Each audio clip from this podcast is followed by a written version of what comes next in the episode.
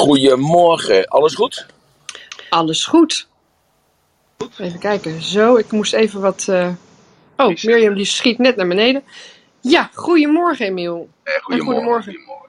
En goedemorgen de mensen die net binnen zijn gekomen in de room. Ja, dankbaar zijn we daarvoor. Absoluut. Nou, ik wil jou. Ik ga eens meteen met de deur in huis vallen, Emiel. We hadden het gisteren. Ja, dit nou, is- maar met, liefde is dan. En niet Ja, ja, ja. Ja, nou ja. Oké, nou let op. Je had gisteren vertelde jij een heel mooi verhaal. Gelijk al bij binnenkomst in de room. Dat jij zo'n lief slakje op, op je terras had. En eh, Ja. je pakte hem met- heel met liefde op. En je hebt hem, hij schrok een beetje. Ze ging zijn huisje in. En, en Ja. hij dacht, hé, hey, wat is het voor een ondergrond?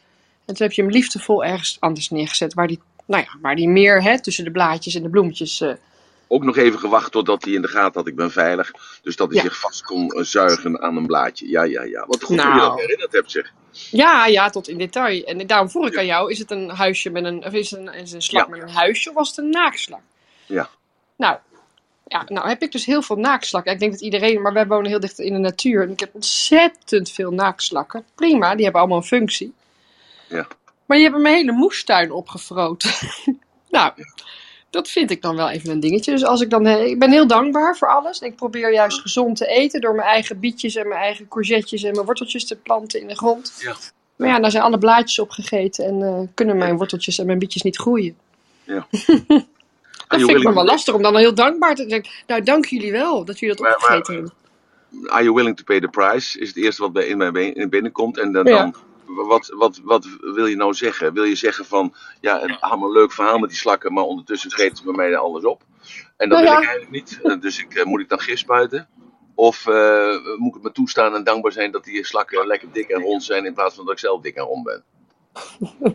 Ja, nee, nee ik, ik, ik vind het lastig. Ik denk, nou ja, ik ben heel dankbaar voor heel veel dingen. Maar dan denk ik, ja, ik, ze, hebben heel genoeg, ze hebben echt heel veel ruimte namelijk hier. Maar ze moeten uitgerekend die blaadjes van mijn gezonde voeding opeten. Dat vind ik dan wel. Dan weet ik niet of ik nou zo dankbaar ben. Nou ja, dus waar leg je de focus? Ja, dus dat is het hele verhaal. Waar leg je de focus? Leg je de focus op eh, dik en rond zijn, eh, dat jij dat graag wil zijn, maar dat zij dat eh, weghalen bij jou? Dat is één, dat, dat zou een focus kunnen zijn. de focus zou kunnen zijn van, ja, wat heb ik ervan geleerd? Hè? Wat heb ik van geleerd van de afgelopen seizoenen? eh, van de irritatie of van de, ja, van de dankbaarheid. eh, dat Mhm. ik eh, niet meer met mijn geld uitkom, want ik moet al mijn groenten nu halen bij de Jumbo. En daardoor is mijn Ja. man ziek geworden. Hè, door het Nou ja, bespoten groenten krijg je dan. Dus dan dacht ik, nou, ik, Ja. de- ja, dan ga ik lekker gezond voor mezelf zorgen. En dan moet ik toch bespoten groenten kopen. Dus dat vind ik dan ja. lastig. Ja, ja, Om dan in, in, in die staat van dankbaarheid te blijven. Dat bedoel ik dus te zeggen. Ja. Nou ja, de dankbaarheid is alleen al dat je dankbaar mag zijn dat je erover na kunt denken en mag denken. Oh, dat vind ik een goede focus. Hè? Dus dat is al één. En maar dan los je het probleem natuurlijk niet meer op. Eh, Misschien herinner je dat verhaal, heb ik ooit een keer verteld van Willem Gene. Die kwam eh, van, eh van Osja af, of van Bachman af. En die ging boven het, eh, op de zolder zitten. En die zei, je hoeft alleen maar te visualiseren en te affirmeren. En dan komt het succesvol zelf naar je toe. Mhm. Nou ja, uiteindelijk na zes weken kwam de deurwaarde, die droeg hem eh, van de zolder af en die verkocht het huis. Dus eh, ja, het is maar een kwestie van, eh, heb je het abstractieniveau om er overheen te kijken? En ja. ja, dat heb je dus schijnbaar, want je denkt erover na. Het verhaal van gisteren heeft je aan het denken gezet. En gedacht bij jezelf, ja, wat kan ik doen? Nou, are you willing to pay the price? Is eigenlijk eh, en en doen in plaats van of of doen. Dus dat is een andere manier van denken. Dus Ja. je zou eh, kunnen denken bij jezelf, oké, eh, wat heb ik ervan geleerd? Eh, nou, dat is dus dat ik eh, daar die, eh, die zaden plant. Eh, daar groeien ontzettend mooie eh, plantjes uit. De, die eten we dan op. Alleen die, eh, die beestjes komen dan, eh, die slakken komen op een zeker moment en die vreten alles op. Dus dat gaat niet door. Nou, dus eh, je kunt daar eh, het ouderwetse denken op loslaten door te zeggen, te spuiten met gif. Waardoor die beestjes dus eh, allemaal, eh, of met zout, hè, dan eh, verschrompelen als het ware. Dat Mhm. zou je kunnen doen. Dan, als je het met zout doet, dan, is er ook geen, eh, dan heeft het ook geen gevolgen, negatieve gevolgen voor jou en je geliefden die dat opeten. Je zou ook elke dag eh, kunnen inspecteren eh, hoeveel slakjes zijn er. Ja, Slakjes opzoeken en dan in een bak neerleggen met wat geselecteerd onkruid of dergelijke. En dan elke dag die slakken voeden met dat onkruid en elke dag de bloemetjes en plantjes slakvrij te houden. ja, Maar dat ja. is Are You Willing to Pay the Price? ja, ik snap je, ik snap je. Dat laatste heb ik overigens gisteren gedaan. Ik heb ze één voor één met een schepje heb ik ze opgetild. En ik heb ze ergens anders neergeplant. Maar goed, dat, ook met je- eh, ook met je handen doen. dan is dat wel liever als dat ze dus een stuk staal in één keer uh, voelen. Ja? Ik heb het dan met heel veel aarde gedaan. En ook met een, met een blaadje om ze erop te duwen. En ik heb het echt liefdevol gedaan. Ik heb ze op een liefdevol ander plekje gelegd. Maar het zijn er hier zoveel, dat, dat is gewoon. Uh, nou, ja, maar dat komt zo. Hoe meer, er, hoe meer er zijn, hoe meer er komen natuurlijk. Hè? ja. Nou, dus heerlijk. Dat is echt het uh, antwoord. Heb je er wat aan? Ik snap het, ik snap het. Nee, maar ik, ik ben er bewust van en dat is, dat, daar kan ik al mijn focus op leggen. Dat is helemaal goed. helemaal dat is alleen al het mooie aan deze tijd. Hè, dat dus mensen erover na kunnen denken en kunnen zelf een beslissing kunnen nemen. Want dat is ook dankbaarheid. En dan ga je begrijpen dat al die regels, ik zal nog even een klein beetje een recap geven van gisteren, maar niet te lang. Uh, dat je dan, uh, dus dat je dus die eigen keuze hebt. Dankzij dat opstapje met het positieve denken, denk ik dat dat er wel toe bijgedragen heeft. Maar oké, maar eerst eventjes, uh, hoe is het met iedereen? gaat het goed met iedereen? zijn we lekker gezond allemaal? wij zijn allemaal onderweg. Ik zie dat de files die zijn. Ik zit in de auto. De files zijn gigagroot, dus dat wil zeggen dat het economisch zo goed gaat. En dat mensen, of mensen gaan op vakantie, dat weet ik eigenlijk niet. Ik hallucineerde maar een klein beetje. Uh, ja, ik, ik, uh, gisteravond heb ik er natuurlijk ook of gistermiddag heb ik er ook nog even over nagedacht. Over gistermorgen natuurlijk, wat ik allemaal gezegd heb. En toen dacht ik bij mezelf, ja, wat, ik ben eigenlijk het meest belangrijke in mijn leven vergeten eigenlijk wat dankbaarheid is. En dat is dat mijn kleine zoontje van 12 jaar altijd bidt voor het eten. Maar dat hij bidt ook als hij een ijsje krijgt. Uh, of als hij een, uh, ergens een zakje friet eet. Of een, een, blikje cola. Ja, het is vloeken in de kerk, maar toch, ik zeg het toch maar even. Of een blikje cola mag uh, drinken van zijn vader. En dan, dan slaat hij een kruisje. En dan bidt hij even om dank, dank te mogen zeggen tegen de rijkdom die hij heeft. En hij, hij uit dat dan ook naar zijn vader. Hij, hij zegt elke keer: Ja, dankjewel papa, dankjewel voor de mooie dag. Dankjewel voor eh, de cola. Dankjewel voor het ijsje. Dankjewel dat we naar Toverland hebben mogen gaan. Dankjewel dat je bij me bent, papa. En elke keer zeg ik eigenlijk tegen hem van, dat hoef je niet te zeggen. En zo zie je, hè? dus ik maak zelf dan ook de fout door tegen hem te zeggen, dat hoef je niet te zeggen. Want dan maak ik het eigenlijk natuurlijk.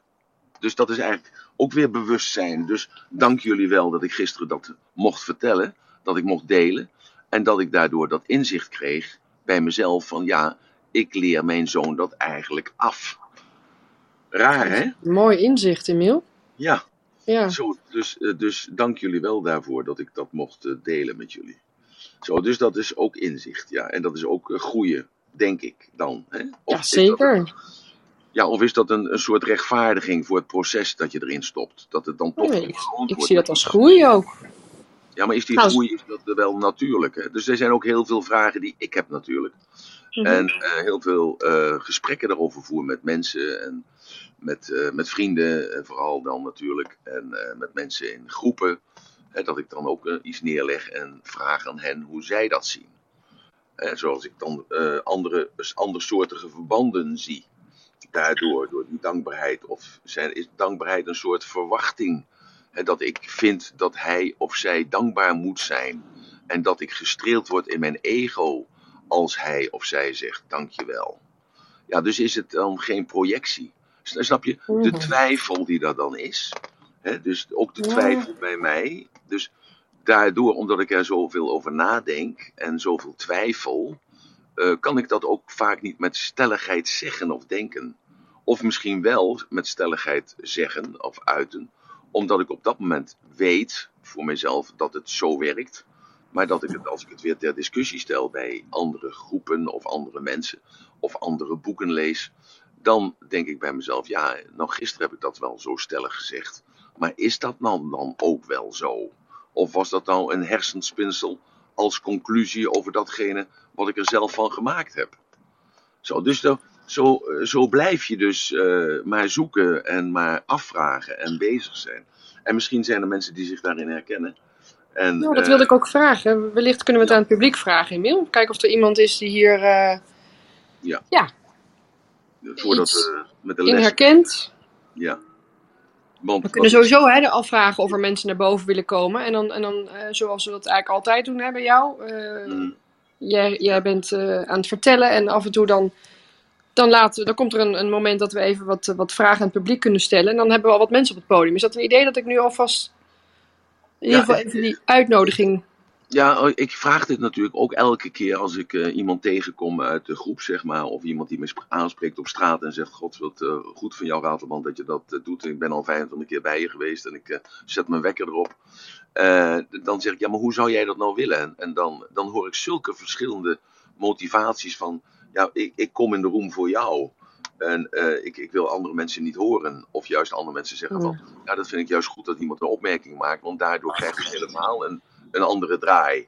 Of uh, ja, die moderator die moet uh, sterker zijn en die moet gewoon uh, jou uit laten praten en dan pas de, de ruimte geven. Of ja, als iemand heel veel vragen stelt en heel veel ruimte neemt, ja, en er staan drie andere mensen achter, ja, dan, dan moet je dat afkappen en dan moet je die persoon maar weer naar achter schuiven. Ja, zo heeft iedereen natuurlijk een, een andere illusie, een andere beleving, een ander inzicht ja. over datgene hoe hij of zij dat ervaart. Dus Daarom is het ook zo moeilijk om het iedereen naar de zin te maken. Maar we doen wel ons best. We doen zeker ons best. Goed dat je het even hebt, hebt, hebt gezegd op deze manier. Want het is wel. Uh... Ja, dus. Uh, ja, goed om het allemaal duidelijk te houden.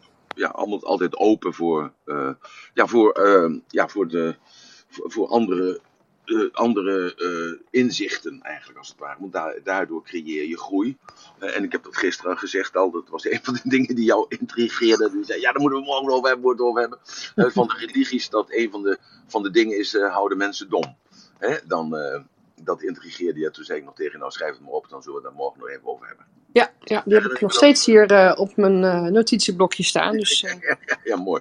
Ja, dat, zien mensen ook gewoon, dat is mensen ook leuk die in de room zitten. Dat het ook hartstikke leuk is om mij te, te modereren. Want dan kom je ook aan jezelf toe. ja. ja, dat is waar. Het is hartstikke leerzaam. Ja, Goed, oké. Okay. Absoluut, nou. ik vind het heel leuk. Nou, dan ga ik eerst even heel snel door datgene wat ik gisteren verteld heb. En dan, uh, dan, dan laat er nog niemand in de reden vallen. totdat we dan uh, daar komen bij het punt dat NLP dat analyseert. En dus analyseert van, ja, wat zijn nu eigenlijk dankbare mensen? En wat, wat hebben dankbare mensen nou meer als ondankbare mensen? Dus met andere woorden, het pijn-plezier-principe. Wat is nou het voordeel om dankbaar te zijn? Want ja, ik, ik, ik zeg altijd, ja, je moet ook gewoon lekker de kost verdienen. En dat is ook een kwestie van, uh, niet omdat ik maar elke keer achter dat geld aan jaag, maar dat is ook een, een pijn-plezier-principe. En uh, dat is, met dankbaar is dat ook zo. Dus wat zijn de, wat zijn de voordelen, wat zijn de nadelen? En uh, zijn de voordelen groter dan de nadelen? En als dat zo is voor jou, ja, dan, dan zou ik ook wel dankbaarheid willen leren. En is de, de pijn, dus de, de, de afkeer van dankbare mensen is dat, dat je denkt bij jezelf, ja, maar ik wil er helemaal niet op lijken, ik wil helemaal niet dankbaar zijn. Nou, oké, dat is ook goed. Dan, uh, dan hoef je dus niet naar de analyse te luisteren en dan hoef je ook niet naar die zeven stappen, uh, want ik heb er zeven stappen van gemaakt om dus de dankbaarheid te oefenen voor jezelf. Dus, dus eerst wil ik even nog even een stukje uh, beginnen over datgene wat ik gisteren gezegd heb en dan even snel herhalen. Mag dat, Yvonne? Ja, ja, mijn microfoon die eh, klikte niet aan. Ja, natuurlijk, ja. Wat ik alleen wil voorstellen, Emiel, is uh, omdat het gisteren, nou moet ik eerlijk zeggen, niet heel makkelijk op gang kwam om mensen naar boven te halen. Aan het eind wel, maar in het begin niet. Ja. Is het een idee, want iedereen weet denk ik inmiddels wel dat als je op het podium komt, dat je zelf even je, je, je, je microfoon uitzet. En dat we dan uiteraard straks iemand de ruimte geven om, uh, om te praten. Is het een idee om nu wel alvast even die, die uitnodiging eruit te sturen? Want jongens, als er iets is waar je op in wil haken of wat al gezegd is, wat nog gaat komen, kom er vast bij. Als je nu het idee hebt van ja, ik wil wel over meepraten, mm, dan zet je alvast even op het podium. Ja, nou ja, dan... nee, ja maar het lijkt net alsof we altijd moeten binnen en smeken of de mensen alsjeblieft... Nee, oh nee, dat is helemaal niet... Nee, nee, nee, maar even, dat, dat ik wil het even duidelijk zeggen. Van, dat komt voort uit een oud denkbeeld dat uh, de roem groter moet worden. En als je dus op de, uh, boven op het podium komt, dan trek je als het ware je eigen volgers mee naar boven. Dat, is, mhm. dat is het principe wat er eigenlijk achter zit. En uh, ja, dat, dat, ook dat is een klein beetje, nou, denk ik, een beetje verloederd of achterhaald.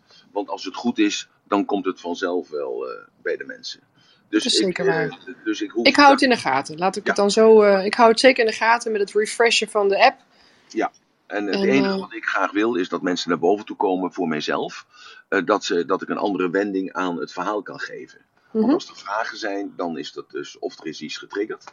Uh, CQ, ja, er is niks getriggerd, maar, maar mensen vinden gewoon hun, willen hun ervaring delen omdat ze aangeraakt zijn. En Ja. dat, is, dat is altijd goed. Dus oké, nou eventjes dan terug naar af. Dus ik, even wat ik gisteren over had, voordat ik naar die zeven stappen toe ga, om die dankbaarheid te leren, als het ware, als je dus het graag wilt leren. Nou ja, eigenlijk is het woord, dat heb ik gisteren ook gezegd, het woord dankbaarheid is eigenlijk een beetje verloederd. Hm, waarom is dat verloederd? Omdat dat in alle religies eigenlijk eh, eh, aangestipt wordt. En eh, wij hier langzamerhand in het Westen, ik eh, stipuleer dat even in het Westen, in het Westen zijn eigenlijk eh, dankzij de welvaart al zo ver doorgegroeid eh, dat we die religies eigenlijk eh, afgeschud hebben. En eh, dat we dus nu eigenlijk een, eh, ons eigen idee over, de, over het God zijn, over het licht, of over hoe je dat ook noemen wilt, zijn aan het creëren. Dat is dus die zelfrealisatie, wat bovenin de eh, piramide van Maslow zit. Eh, eh, als je even kijkt in de geschiedenis, dus je kijkt even naar de Veda's, dat is dus eh, dat vrijheid, blijheid. Het, het, het goddelijke heeft daar eh, eh, verteld hoe hij dat zag. Sorry dames als ik het altijd in de mannelijke vorm zeg. Maar heeft hij gezegd hoe hij het graag wil hebben en hoe hij dat ziet. En dat heeft men toen alleen mondeling heeft men dat vertegenwoordigd. Het hindoeïsme die is bij het mondelingen gebleven. Die hebben weinig of niets opgeschreven. Omdat zij ook dicht bij de Veda stonden. En dat is gewoon, eh, je krijgt de vrijheid om er zelf wat van te maken wat jij zelf wilt. Er waren wel een aantal regels, hè, zoals gisteren een aantal regels gesteld heb om geluk te krijgen. Maar dat waren meer richtlijnen als het ware. Uit het eh, hindoeïsme is, eh, mijn inziens, is het Oude Testament ontstaan. Als je goed leest in het Oude Testament, dan zie je heel veel dingen die uit het hindoeïsme komen. En ehm, ja, in het, eh, alleen het Oude Testament is natuurlijk is dat geëvolueerd en daar zit vaak de straf nog in. En dat straf, eh, dat, dat pakte wel aan in het eh, oosten, hè, dus in het Midden-Oosten, maar pakte niet aan in het oosten zelf en daar ontstond het boeddhisme. Het boeddhisme was een, een zachtere vorm van het Oude Testament en ook dan de goede zaken van het hindoeïsme, zodat dankbaarheid daar iets was wat je wel aangereikt werd, maar je moest het ook wel een klein beetje zelf zien. En als je eh, en moest ook begrijpen dat het rad van het leven zo is dat alles, dat jij dat uiteindelijk, eindelijk allemaal uiteindelijk zelf veroorzaakt. Dus dat was het rad van het leven. Nou, toen is het Oude Testament, dat waren het Jodendom, eh, toen is daar een nieuw marketingplan geschreven en dat is het Nieuwe Testament. En in het Nieuwe Testament is het dus eigenlijk dat je de keuze hebt tussen de beloning of de straf. En dat het eigenlijk iets is dat altijd je vergeven kan worden. Dus er is altijd nog een mogelijkheid om het goed te maken. Uit, eh, en daar, dus ook dankbaarheid was daar heel belangrijk in. Want eh, Paulus was daar dus een. eh, in het Nieuwe Testament schreef hij daarover hoe hij eh, zo dankbaar was dat hij bij Jezus was geweest. En dat hij zo dankbaar was dat hij het woord mocht verkondigen. En dat hij zo dankbaar was dat hij zijn leven mocht geven voor de goede zaak. Daar is, daaruit is dan de islam gekomen, is eh, verder geëvolueerd uit het Nieuwe Testament. En daar zie je heel duidelijk dat het ook de mensen teruggegeven wordt. Alleen eh, de islam zijn ges- ge- geschreven versen. En in die versen eh, is het een, zijn parabellen, eh, zijn het metaforen, is het, kortom is het, eh, ja, Mohammed heeft dat heel goed bedoeld. Alleen misschien heeft hij zijn volgers overschat daarin. Eh, daar is hij dan ook later is dat eh, een beetje teruggefloten. En daar zijn dan de schriftgeleerden voor gekomen. En de schriftgeleerden hebben dus dan de, eh, de Koran uitgelegd. En dat zie je ook heel duidelijk dat in de islam de mensen een bepaalde schriftgeleerde volgen. En denken dat hij de wijsheid in pacht heeft. Terwijl een andere schriftgeleerde precies dezelfde strofe of hetzelfde vers op een totaal andere manier uitlegt. Nou, uiteindelijk is dus dan in de jaren 50, eh, 60 van vorige eeuw, is dus eh, het positieve denken gekomen. En het positief denken is eigenlijk ook gericht op dankbaarheid. Positief denken is eh, een kwestie van, eh, ja, je kunt het positief maken of je kunt het negatief maken. En dat hangt maar van één persoon af, dat ben je zelf. Dus we zijn weer terug bij de Veda's. En zo zie je dus dat de religies die nog bestaan, want we moeten natuurlijk niet vergeten dat de religies zijn altijd, hadden een bepaalde basis, waren in een bepaalde, in een bepaalde, in een bepaalde eh, habitat, waren die en golden die regels allemaal. Maar dat zijn allemaal eh, universele regels en al die universele regels werden geschreven voor die habitat, waar dus die godsdienst naar boven kwam. En eh, dat heeft ons allemaal beïnvloed. En dat is dan ook een stukje van de erfzonde. Eh, erfzonde heeft een beetje een negatieve klank. Maar erfzonde is gewoon wat in het collectieve bewustzijn zit. En wat dus door de persoon zelf, dus het individu, dus jij, daaruit gepikt wordt. En eh, zich daardoor eh, een les aanleert om verder te komen in het pad van zelfontwikkeling. En eh, daarom is dat ook zo dat die religies moeten zich aanpassen. En er zijn dus eigenlijk maar drie dingen in die religie waar ze aan moeten voldoen om te kunnen blijven bestaan. Kijk naar het Oude Testament, het Nieuwe Testament, het nieuwe marketingplan. Ik noem het gewoon marketingplannen. En dat is, eh, en dat is positief bedoeld. Hè? is positief bedoeld, want er moest een product verkocht worden. En dat was het concept uh, God, het concept uh, hiernamaals, het concept straf en beloning. Hè? Dus de zweep of de wortel. En er, is maar één, er zijn maar drie methodes om die religie stand te laten houden. En als je die bril opzet, dan zie je dat ook heel duidelijk. Dat is dus, je moet het marketingplan herschrijven zoals dus dan de Joden, uh, de christenen, een nieuw marketingplan geschreven hebben uit het Oude Testament. En Mohammed heeft dat in feite ook gedaan. Respecteert ook de, de profeten uit het Oude Testament. Zelfs Jezus benoemt hij als een profeet. En gaat daarop verder. En uh, dus dat is, je moet het market, marketingplan beschrijven, herschrijven. Of je moet de mensen dom houden. De mensen dom houden is dus, je moet ze niet uh, welvarend maken. Want hoe welvarender mensen worden, krijgen ze tijd om na te denken.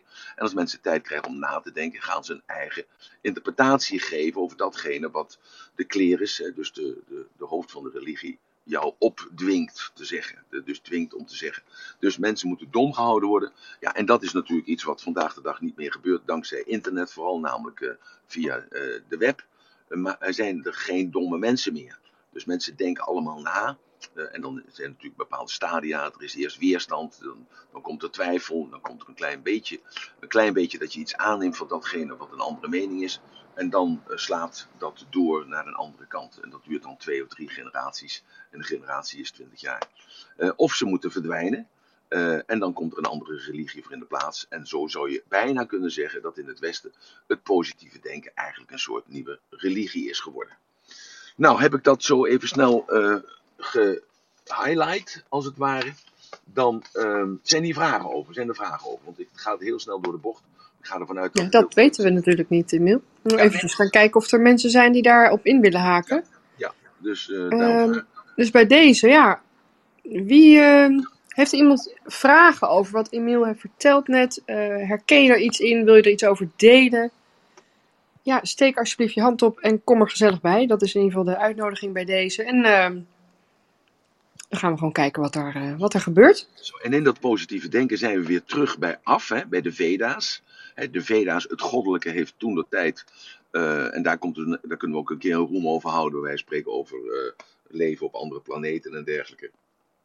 En dat die hier gekomen zijn, dat is een, een andere perceptie uh, hoe je dan kijkt naar die boeken. Je kijkt naar uh, wat ons gegeven is. Maar goed, dat is een, iets anders. We zijn dus nu zo ver gekomen dat we dus uh, positief denken. Ik, ik, noem het even een religie, hè? dat is een foute woord, maar noem het maar even zo. Waardoor, want nu hebben we de keuze, we hebben de keuze, een technische keuze. We kijken naar mensen die dankbaar zijn en willen wij ook zo zijn. of wij kijken naar mensen die dankbaar zijn en we willen niet zo zijn.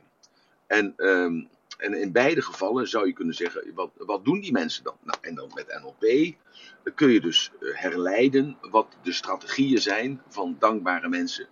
En dan is die beslissing ligt helemaal bij jou. Dus we zijn terug bij de Veda's. Je moet zelf nadenken over datgene uh, wat jou overkomt. Je moet daar de patronen in zien. En dus die patronen maken je bewust van de keten van oorzaak en gevolg waar je zelf in zit. En dat is dus een stukje boeddhisme, het rad van het leven. Dat was de swastika, maar dan de andere kant op. De rad van het leven. En dan bepaal jij of jij leert van dit moment. Dat is dus dan de focus. En dan leer jij daarvan, uh, jij maakt die keuze, leer ik hiervan ja of nee? Nou, en als je daarvan niet wil leren, is dat goed, dan haak je af. En wil je daarvan leren, en dat zijn die vier stappen, onbewust, incompetent, je wordt je dus bewust competent. Dus het wordt iets aangeraakt, je herkent iets. En als je bewust incompetent bent, dan denk je van hé, hey, daar wil ik niks van weten, dan haak je af. Of je wilt jezelf bewust competent maken. Dus je gaat erover nadenken, je gaat erover lezen, je gaat erover praten. En je leert aldoende en op een zeker moment ben je weer onbewust competent. Je hoeft er niet meer over na te denken. Maar die stap zijn we nog niet. We kijken dus naar mensen die dankbaar zijn en wat voor soort mensen zijn dat dan eigenlijk? Wat voor eigenschappen hebben ze? En um, hoe uiten zij zich? En dan is de vraag van, ja, hoe zien die mensen eruit? Wat doen die mensen anders dan andere soort mensen? Ja, en dan blijkt dus dat dankbare mensen uh, vaak heel creatief zijn. Ze zijn gewend om op een andere manier te denken als de, als de meute, als het volk. Ze zijn veel standvastiger. Ondanks hun creativiteit zijn ze toch standvastiger in, in, in, hun, in hun beleving en in hun doen en laten. Ze zijn, ze zijn meer gecent, gecentreerd, ze zijn meer gecenterd. Ze hebben meer tijd, ze gaan op een andere manier met hun tijd om. Ze, uh, ze hebben een, betere ontwikkeling. Een, ja, beter mag je niet zeggen, maar ze ontwikkelen zich uh, op een andere manier die bepaalde vruchten afwerpt. Waardoor je denkt bij jezelf, ja, hij of zij, ja, daar kijk ik toch wel tegenop. Ze zijn sneller in het denken, ze hebben meer succes, ze verdienen meer.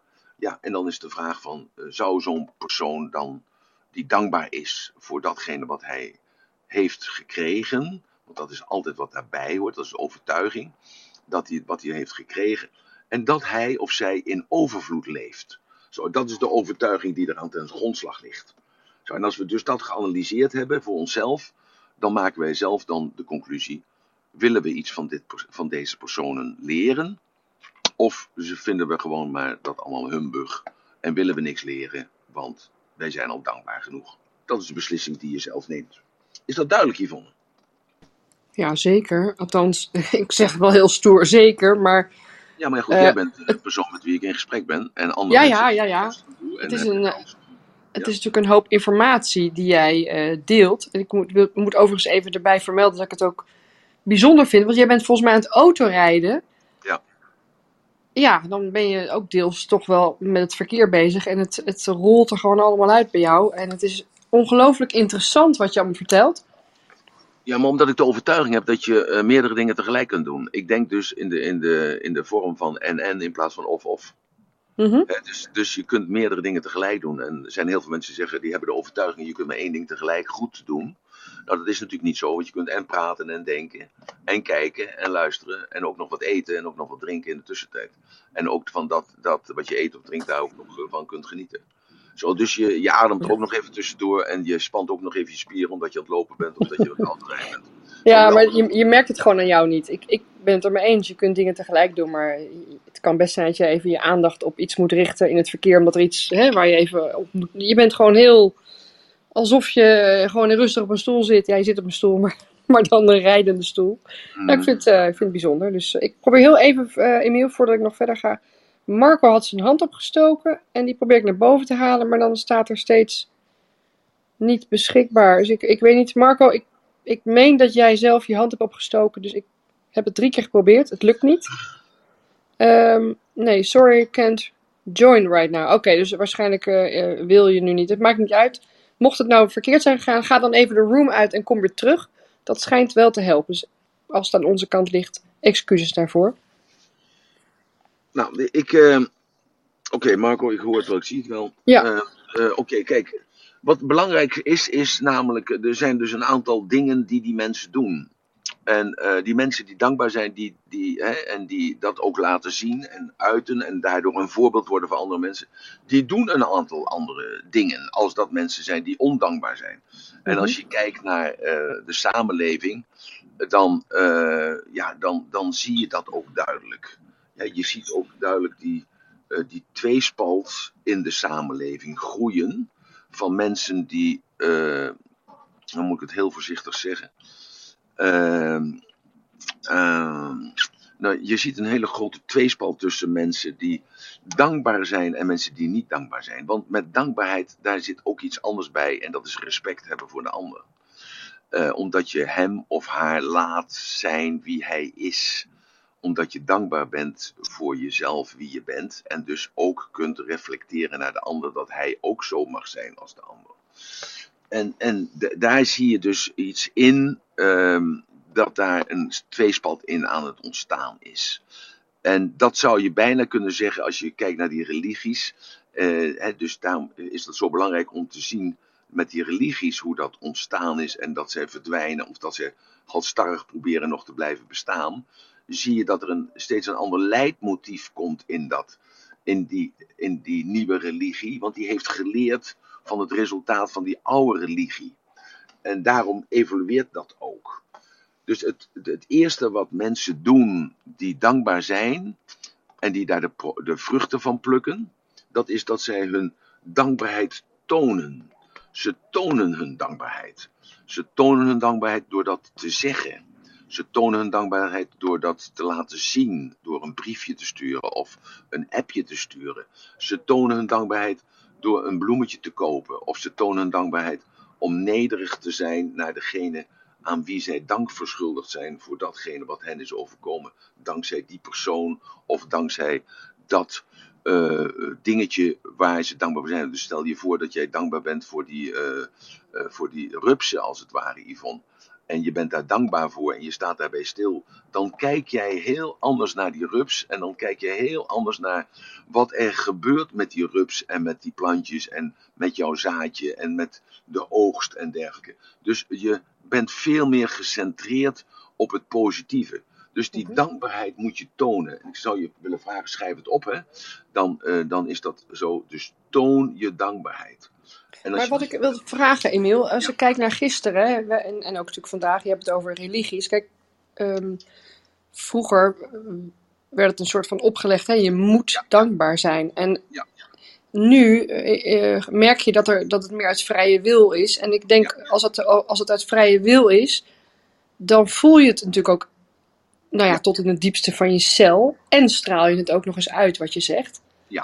Um, maar ik wil wel nog eventjes, want er zijn wellicht mensen in de room die er uh, gisteren niet bij waren.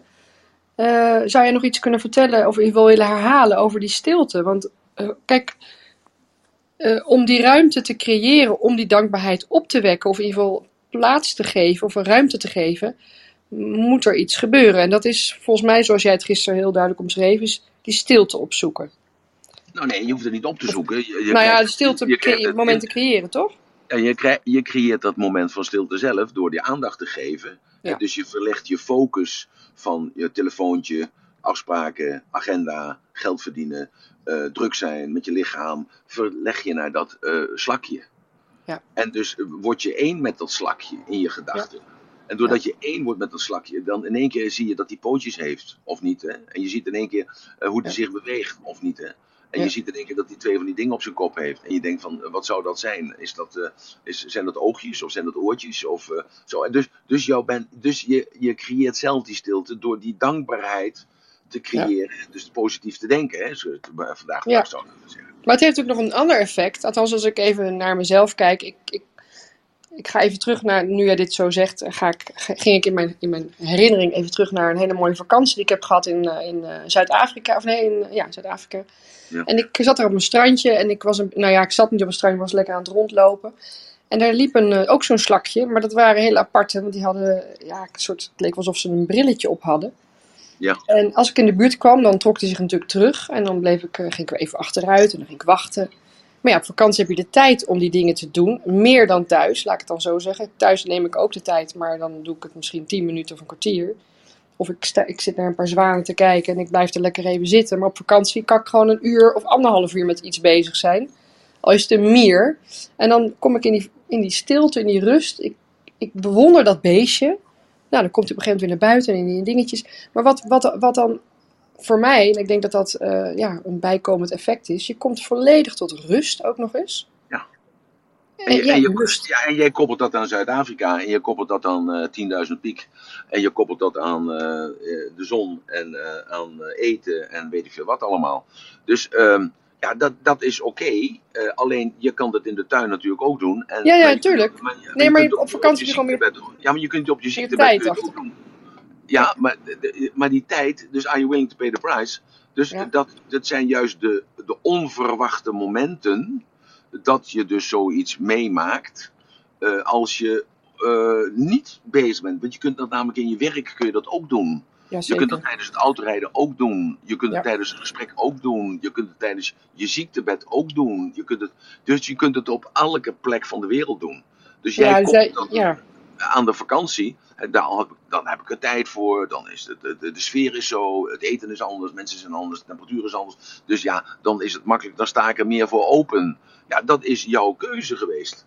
Ja. Nou, ik, sta, ik, ik, wil zeggen dat ik er dan langer de tijd voor neem. Waar, waar, ja, ik merk gewoon dat ik dan heel erg tot rust kom. En uit de rust, omdat ik met niks anders bezig ben dan dat nu-moment met, met dat beestje. Maar in het ja, drukke leven kun je dat natuurlijk gewoon elk moment van de dag creëren. Ja. Want het is hier in ons Ja. Alleen is het dan geen uur, maar de intensiteit van een uur heeft een andere beleving voor jou als een intensiteit van een minuut of eh, vijf seconden. Ja, ja, precies. En als je dat gewoon elke dag, of nee, dagelijks, ik noem maar wat, al doe je het honderd keer op een dag een minuut, dan, eh, of, of tien seconden, dan heb je natuurlijk hetzelfde effect. Ja, maar alles we- wendt natuurlijk, hè? En je zoekt een gradatie op. Mhm, Dus je moet mhm. eerst leren, en dus daarom zijn deze, deze zeven stapjes zijn meer een richtlijn. Dus eh, ook dat. die zeven stapjes heb je vandaag nog niet benoemd, hè? Dat was gisteren, dus misschien Nee, straks nog even. Nee, dat was een stappen tot geluk. Dat was gisteren, dat, dat, dat is Hindoe, eh, het Hindoeïsme. Zijn dat de zeven stappen tot geluk. En even aan te geven dat die Mhm. vrijheid van de Veda's. Kijk, dat is de- de ontwikkeling, de evolutie van die godsdiensten. Is zo dat dus de Veda's werden gesproken. En men ging ervan uit dat mensen volwaardig waren om dat te begrijpen en dat toe te passen. En het Hindoeïsme is dus dan de eerste die het opgeschreven heeft. Men heeft ook richtlijnen gegeven hoe je het in kan vullen. Dat is heel iets anders. En er was ook geen straf of beloning op. Maar als je kijkt naar het Nieuwe of je kijkt naar het Oude Testament, het Nieuwe Testament ook nog een beetje en de islam, daar is het dus zo'n straf of beloning. Dus als je nou doet wat ik zeg, hè, je, wees, je bent dankbaar, dan kom je in de hemel. Ben je niet dankbaar, dan word je gestraft, ga je naar de hel. Dus dat is even een beetje wat het verschil is tussen de Veda's. Het wordt je aangereikt, je mag het zelf invullen. De Hindoeïsme heeft, luister, laten we nou regels maken voor de mensen, dat maakt het makkelijker voor hen. En het Oude Testament, die legde het op, dat was de God van de donder. Zo, dus dat is ook een ontwikkeling die mensen ook zelf meemaken. Daarom is het Nieuwe Testament is zo mooi, dat het leven van Jezus is jouw leven. Want je wordt gekruisigd en toch krijg je weer een nieuwe kans, je gaat naar de hemel toe.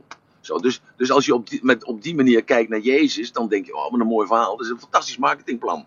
Dat is geschreven. Gewoon, ja, dus als je er op die manier naar kijkt, dan kun je er ook naar kijken, objectief.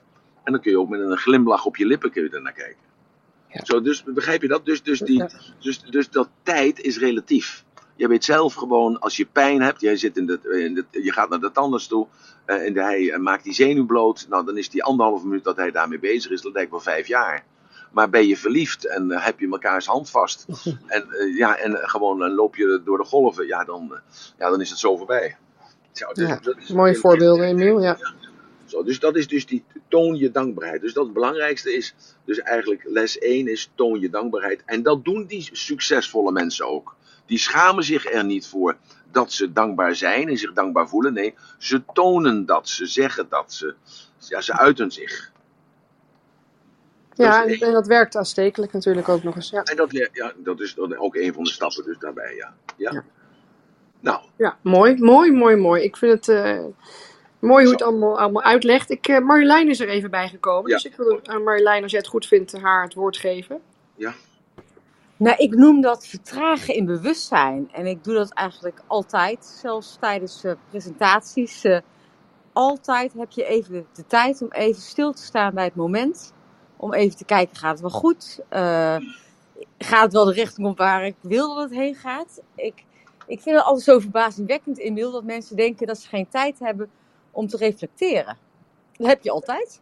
Ja, ja, maar dat is een kwestie ook, dat, dat besef, dat gaat ook om dat je de noodzaak hebt om te reflecteren. Dus dat moet in jou zitten. Hè. Zoals ik vaker zeg, je moet abstractieniveau hebben om verlicht te kunnen worden. Dus dat verlicht worden is een moment, dat is bliss. Maar dat moment, daar moeten een aantal dingen aan gebeuren. En dus de- deze richtlijn is ook weer zo om dat moment van bliss te ervaren. En jij bent onbewust competent.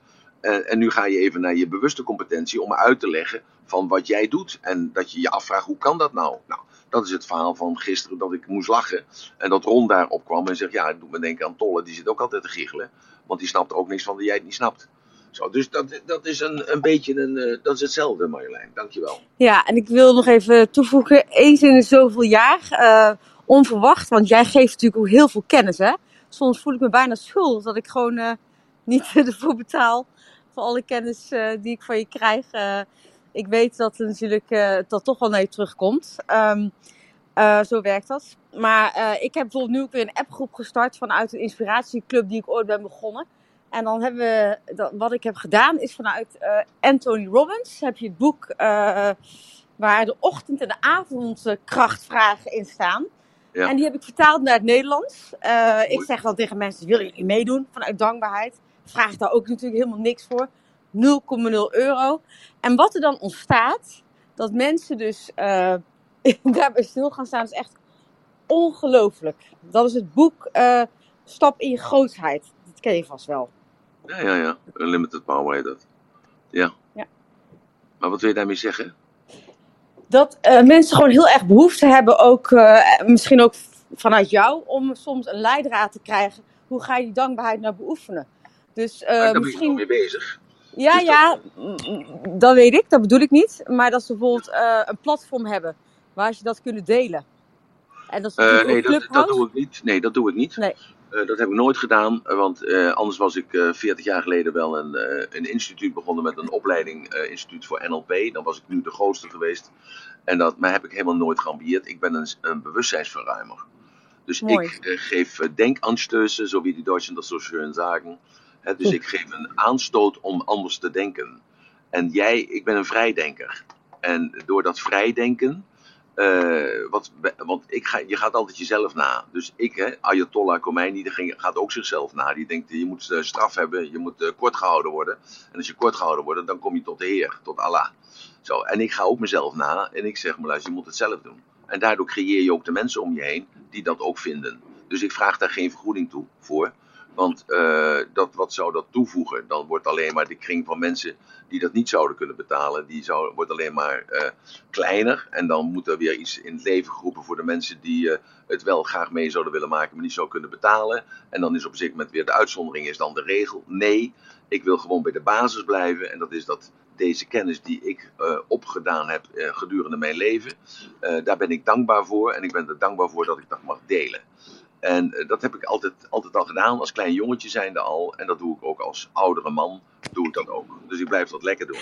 Ik geweldig. Dit wilde ik horen. Ik was zo benieuwd. Dus ik heb je inderdaad een paar prikkelende vragen gesteld. Ik was heel benieuwd naar jouw beweegreden, jouw intentie. En ik vind hem prachtig. Dankjewel, Emiel. En ik leef in een leven van overvloed. Ik heb nergens tekort aan. Ik heb eh, geld zat, ik heb tijd zat, ik heb energie zat, ik heb gezondheid zat, ik heb liefde zat. Ik heb, nou ja, kortom, ik heb alles zat. Genoeg heet een ander woord, Nederlands woord. Eh, vaak is mijn Nederlands niet zo goed. Dat, dat, be- eh, dat bemerk ik vaak wel, dat ik de verkeerde woorden uitspreek of dat ik het niet helemaal goed uit kan spreken. Dat is een tekort aan opleiding. Maar oké, dankzij die tekort aan opleiding, zo heb ik dat ook voor mezelf gereframed, is dat ook dat ik een brede scoop heb en dat ik de verbanden kan zien eh, tot aan de, het gezinssamenstelling toe. Want als ik, ik kan hier een model op laten zien waarom er zoveel kinderen eh, niets meer met hun ouders te maken willen hebben. En eh, waarom zoveel kinderen, eh, kinderen, en dat kunnen ook kinderen zijn van 40, 50 jaar, eh, denken waarom zij niet dankbaar hoeven zijn, terwijl ze dat wel geleerd hebben, maar ze zitten in een andere fase van hun leven. Zo, en, zo, en zo kan ik die verbanden zien, eh, omdat ik onbevooroordeeld ben door een bepaalde opleiding. Je bent Zo zie je dus. ongelooflijk streetwise. En Go- ik Goedemorgen, trouwens. Sorry hoor, ik wilde even Maakt niet uit. Ik hou niet mijn mond. Ik geef jou het woord. Eh, maar dat streetwise en juist dat eh, hoe je erin staat. Ik denk echt dat je heel veel mensen verrijkt. In ieder geval mij wel, Emiel. Nou, dankjewel Marjolein. Ik denk, daar ben ik dankbaar voor dat je me begrijpt en dat je het ook toe kunt passen. Ik had begrepen dat er nog iemand anders was gekomen voordat ik verder ga, want ik wil wel die zeven punten afmaken, Yvonne.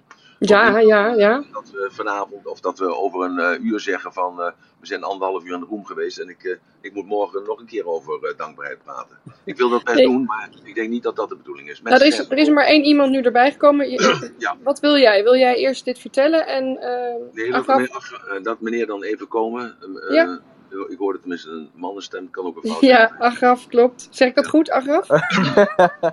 Ashraf, Ashraf. Ja, Ashraf, goedemorgen. sorry. Ja. Goedemorgen. Nee, geen probleem. Hi. Ja, eh Ashraf. Mooi pak eh, aan. Ja, dankjewel, dankjewel. Ja, Emiel, dat je het even weet, want je zit in de auto, dat kan jij waarschijnlijk niet zien. Ja. Eh, maar ehm, ja, ik heb je, je hebt je werkkleding aan en ik zie dat je van de politie bent, maar dat is eh, even terzijde. Nee, dat is helemaal niet. Vinden we leuk. Nee, ik, ik ben eh, geen kwaadaardige politieagent. Nee. Ik, eh, ik, eh, ik deel ook niet zomaar boetes uit of eh, ik geef je ook niet zomaar een stopteken. Nee, maar ik denk, ik Ik, waarschuw Emiel van 7. Nee, maar geintje. Het is, eh, Nee, maar En meneer, eh, kijk, een politieagent doet het nooit goed. Dat is hetzelfde als dat je in militaire dienst bent. Je bent een sergeant en er staat een sergeant-major staat boven jou en een corporaal eerste klas staat onder jou. Je krijgt altijd kritiek van de corporaal onder jou en je krijgt altijd op sodemieter van de sergeant-major boven jou.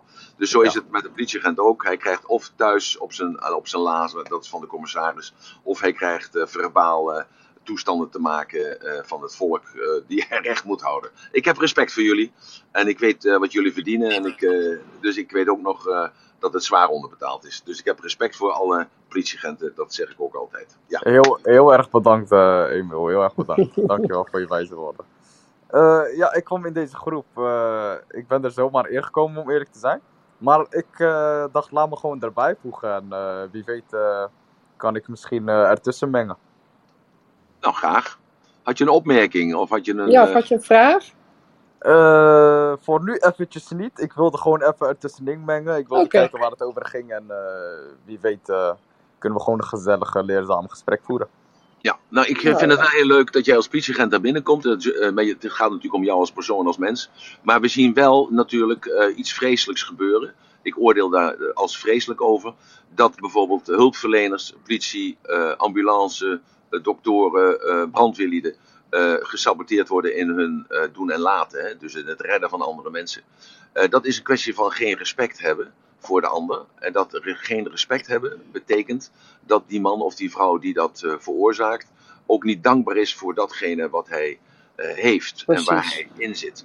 Maar dat is ook een kwestie van opvoeding. Dat is ook een kwestie van cultuur. Dat is ook een kwestie van Ja. eh, erfzonde. Dus, dus je, moet dat, eh, je mag hem of haar dat niet aanrekenen.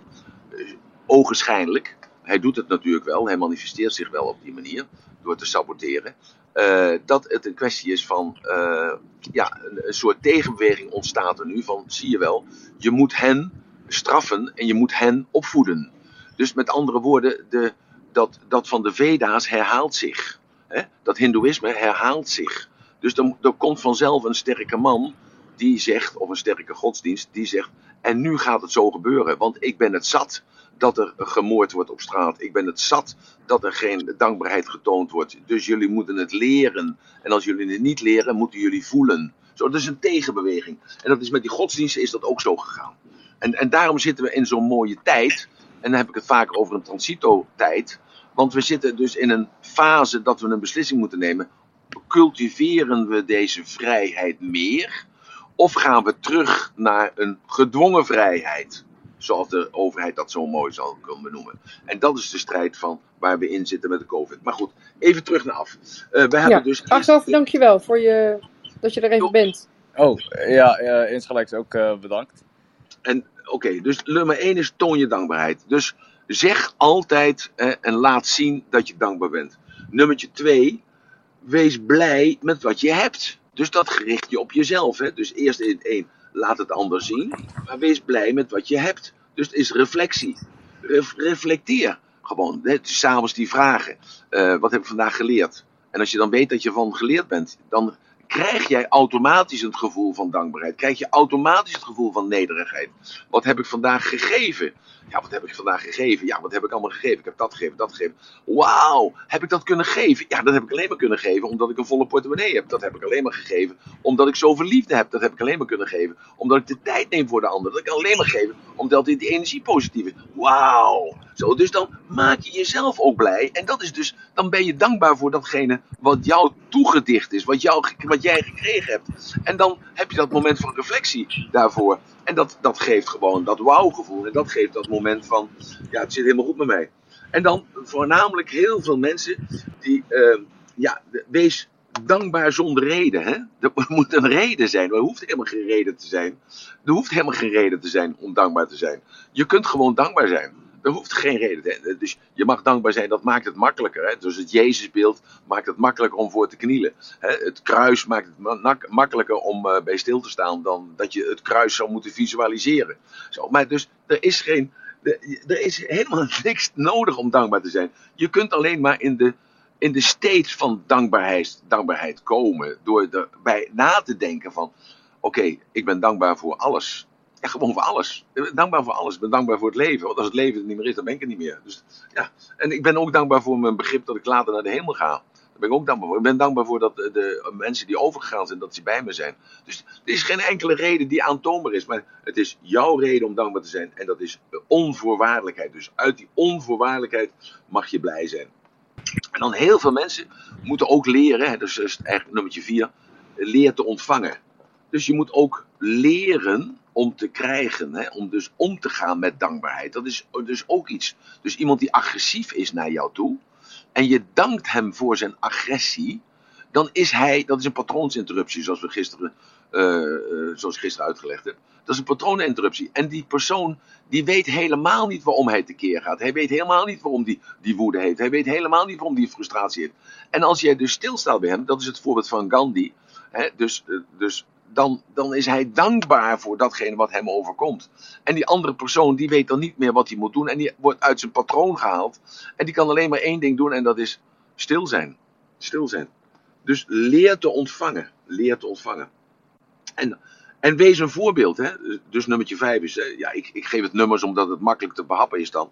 Maar wees een voorbeeld voor anderen. En dan zul je zien dat als je een voorbeeld bent voor dankbaarheid, dan zul je zien dat andere mensen een voorbeeld nemen aan jou. En dan, dan, dan zal dat ook weer een bevestiging zijn voor jouzelf dat je op de goede weg zit. En dat zal weer een bevestiging voor jouzelf zijn dat je dus dankbaar mag zijn. Dat je dus die, uh, die dankbaarheid uh, gewoonte, of dat dankbaarheid bewustzijn, of die dankbaarheid uh, naar buiten toe laten zien. Dat dat eigenlijk een gewoonte is geworden. En dat het een licht is voor andere mensen. Waar anderen zich aan kunnen, ja, kunnen warmen aan dat licht. En andere mensen kunnen zich daarin aan verlichten aan dat licht. Ja, dat is natuurlijk het, het grootste compliment wat er is. En daarom affir, affirmeer, hè? dus blijf bij jezelf, affirmeer die dankbaarheid. Dus, dus uh, dat kan zijn door middel van gebed, dat kan zijn door middel van uh, meditatie, dat kan middel zijn door, door gewoon voor je uit te staren. Er hoeven allemaal helemaal geen zwaarwerende woorden aan op te hangen, maar gewoon dat je dat herhaalt voor jezelf. Ik ben dankbaar voor alles, ik ben dankbaar voor niets, ik ben dankbaar voor iets, ik ben dankbaar voor het leven, ik ben dankbaar voor het godsbesef, ik ben dankbaar voor... Zo. En dat affirmeren, dat, dat doe jij op jouw manier. Door jij manier, zoals jij dat Yvonne deed dan, daar dus dat bewustzijn creëerde toen je met die, sla met die slakken bezig was daar in Zuid-Afrika. En dan uh, als laatste op, uh, schrijf op waar je dankbaar voor mag zijn. Schrijf dat nou eens op en misschien moet dat wel stap nummer 1 zijn. Nou, dat is. Uh, ja. Sorry, Emiel. zou, zou ik misschien een klein voorbeeld ja, graag. graag.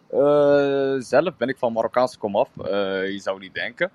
Maar toen ik even kijken, 18, nee, 19 jaar was, ging ik met mijn ouders richting Marokko. En uh, ik was uh, in de puberteit natuurlijk. Je weet wel hoe het zit, een beetje grof gedrag vertonen. Ik ben nog steeds zo. Ik ben en, nog steeds. Uh, ja, wat zal ik jou vertellen? Helaas in Spanje. 40 kilometer vanuit de haven, Almeria. Ja. Ehm, hebben we een ongeluk gehad. kiepten we allemaal om. Maar uh, ik ben heel, heel dankbaar aan God. Zelf ben ik moslim. Uh, alhamdulillah zeggen we dat. En zelf ben ik heel dankbaar dat dat is gebeurd. Want dat heeft mij eigenlijk een hele andere zicht gegeven aan hoe ik uh, mijn ouders, mijn broertjes, mijn broer moet behandelen. Zeg ja. maar. Want ik was best wel. ik had best wel een grove, grove bek in ieder geval. Een grote mond. Ja, ja, ja. ja. En dat heeft mij echt laten zien dat, dat het echt bij iedereen kan overkomen. En dat je je ze, je ze gewoon ieder moment kan kwijtraken. En ik ben heel dankbaar dat dat is gebeurd. Want nu, uh, ja, niet nu, sinds uh, dat moment is mijn denkwijze ook gelijk helemaal omgeschakeld. 180 uh, graden omgedraaid. Ja. En... Dus door één ding, hè, door één ding, wat, uh, wat de Koran ook schrijft, hè, het is, dankbaarheid is eigenlijk normaal, hè, wordt normaal, maar besef je altijd dat het je afgepakt kan worden. En als, dat staat heel mooi in een vers in de Koran, ik weet niet welke vers dat is, maar daar staat heel mooi, besef ook dat het afgepakt kan worden. Zo, en als je dat besef hebt dat het afgepakt kan worden, en dat, daar ben jij je dus bewust van geworden daar in Almeria, terwijl je hè, dus 40 kilometer daarvoor dat ongeluk pleegde, dat heb jij een positieve betekenis gegeven. Dus dat is ook positief denken. En tegelijkertijd is het de Koran. En tegelijkertijd is het ook de Bijbel. Want in de Bijbel staat ook van dat alles op ons pad komt. En dat we dus het licht zullen zien op een moment van uh, verbijstering. Of een moment van uh, uh, verblinding. Op een moment van, van ergere tegenspoed. Zo, dus dat staat in alle heilige boeken staat dat. En jij zegt dat nou heel mooi met een heel simpel voorbeeld. Ja, simpel. Een heel mooi voorbeeld. En datgene wat jij nu zegt, hè, dat doet mij denken aan dat ik eh, sprak met een hele grote crimineel. Een, eh, twee weken geleden. Ik heb je toen verteld dat ik op weg was naar de gevangenis. En eh, toen, zei ik, toen sprak ik dus op weg naar de gevangenis. Ik was daar, ik was, moest wachten voordat ik naar binnen kon komen. En toen sprak ik familie. En een van die jongens die, die kende ik vanuit de media. En toen zeg ik tegen hem, ik zeg, hoe gaat het met jou? Hij zegt, nou, moeilijk en dat, is, dat speelt en dat speelt en dat speelt. En toen zeg ik tegen hem, ik zeg, denk je daar wel eens over na, hoe je hier terecht bent gekomen? Hij zegt, wat bedoel je daarmee, Emiel? Ik zeg, waarom zijn je ouders hier naartoe gekomen? Hij zegt, nou, hij zegt, mijn ouders zijn hier naartoe gekomen, maar mijn papa en mama zijn hier naartoe gekomen. Ik zeg, waarom zijn jouw, ou- jouw papa en mama, jouw opa en oma hier naartoe gekomen? Hij zegt, ja, dat weet ik eigenlijk niet.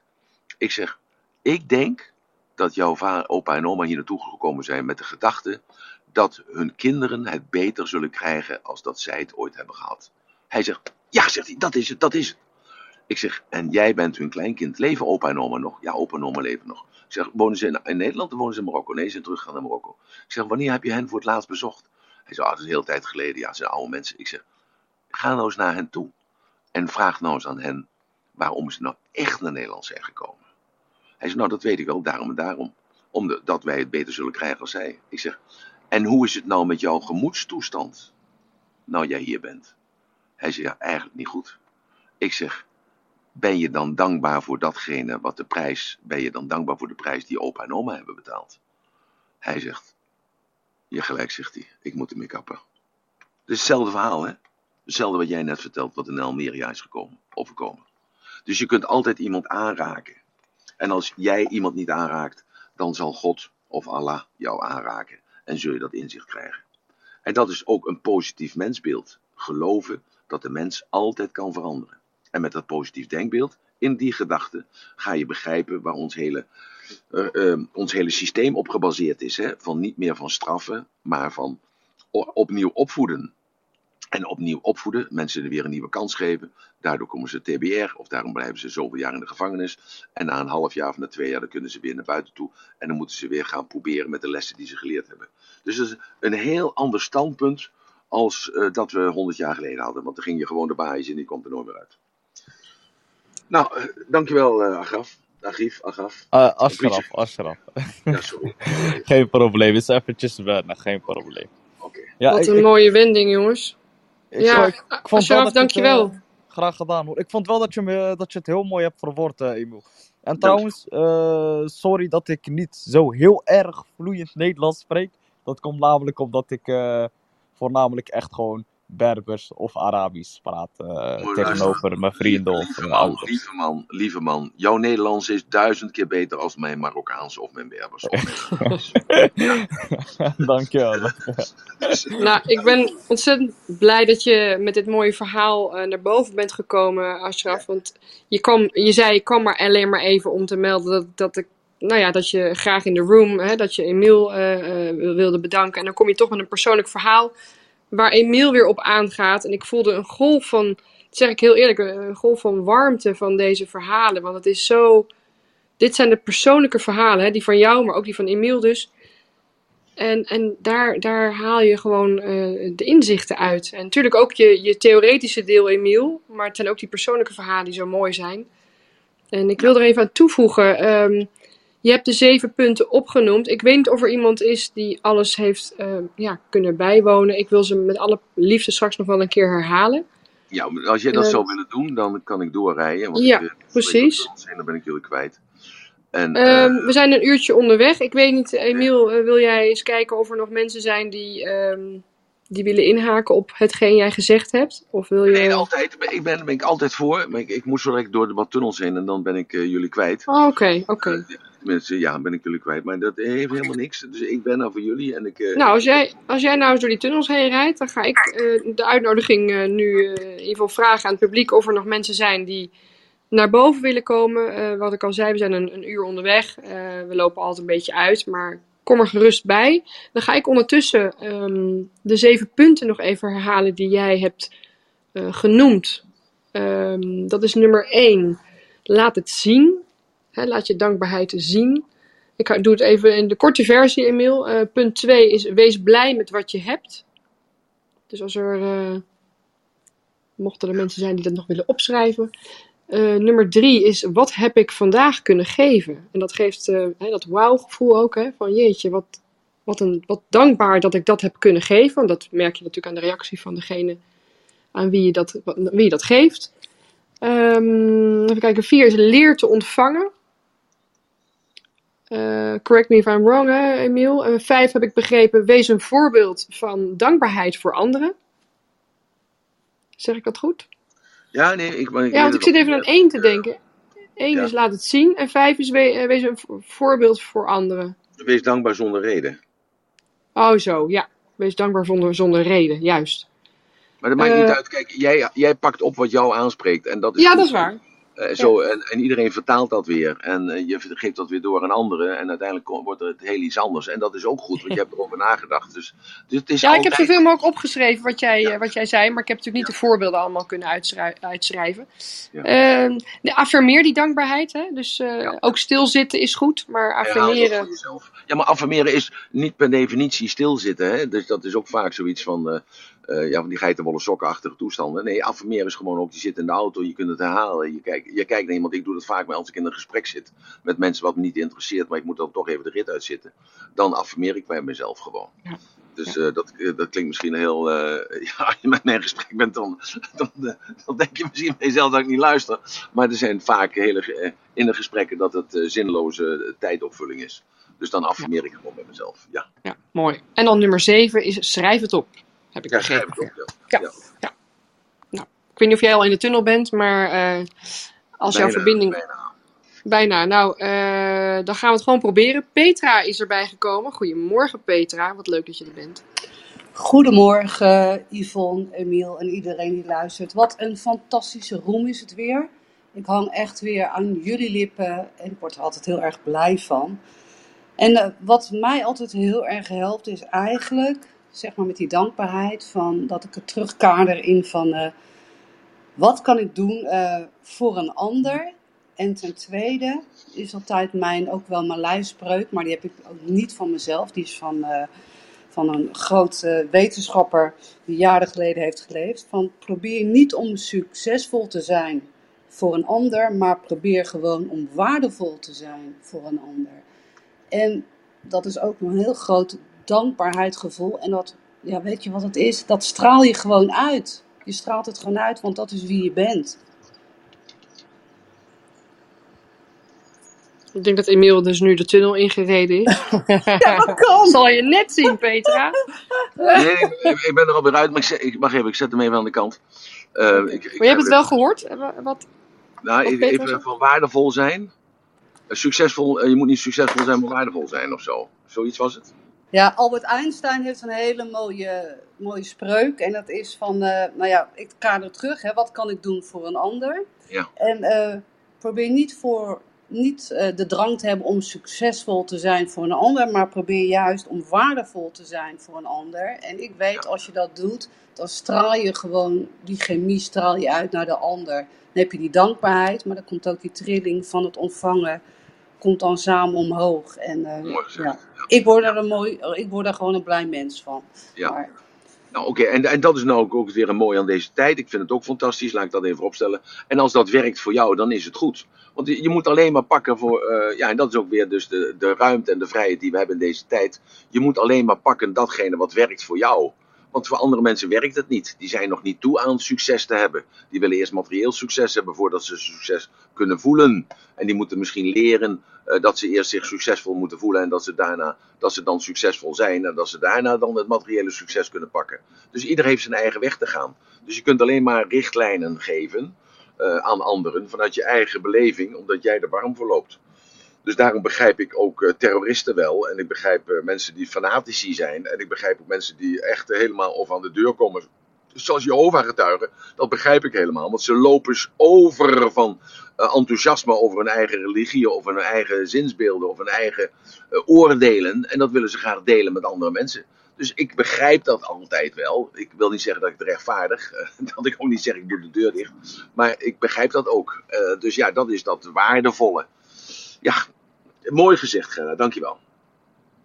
Ik eh, wil eh, melden dat ik helaas, eh, spijtig genoeg, het gesprek moet gaan eh lieven.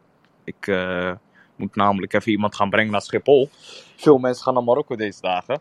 Dus eh, ik hoop dat ik jullie de volgende keer hierop weer tegenkom. En eh, ik zou zeggen, geniet ze en eh, hou het netjes. Ja, zeker. Anders kom ik bekeuringen uitdelen, hè?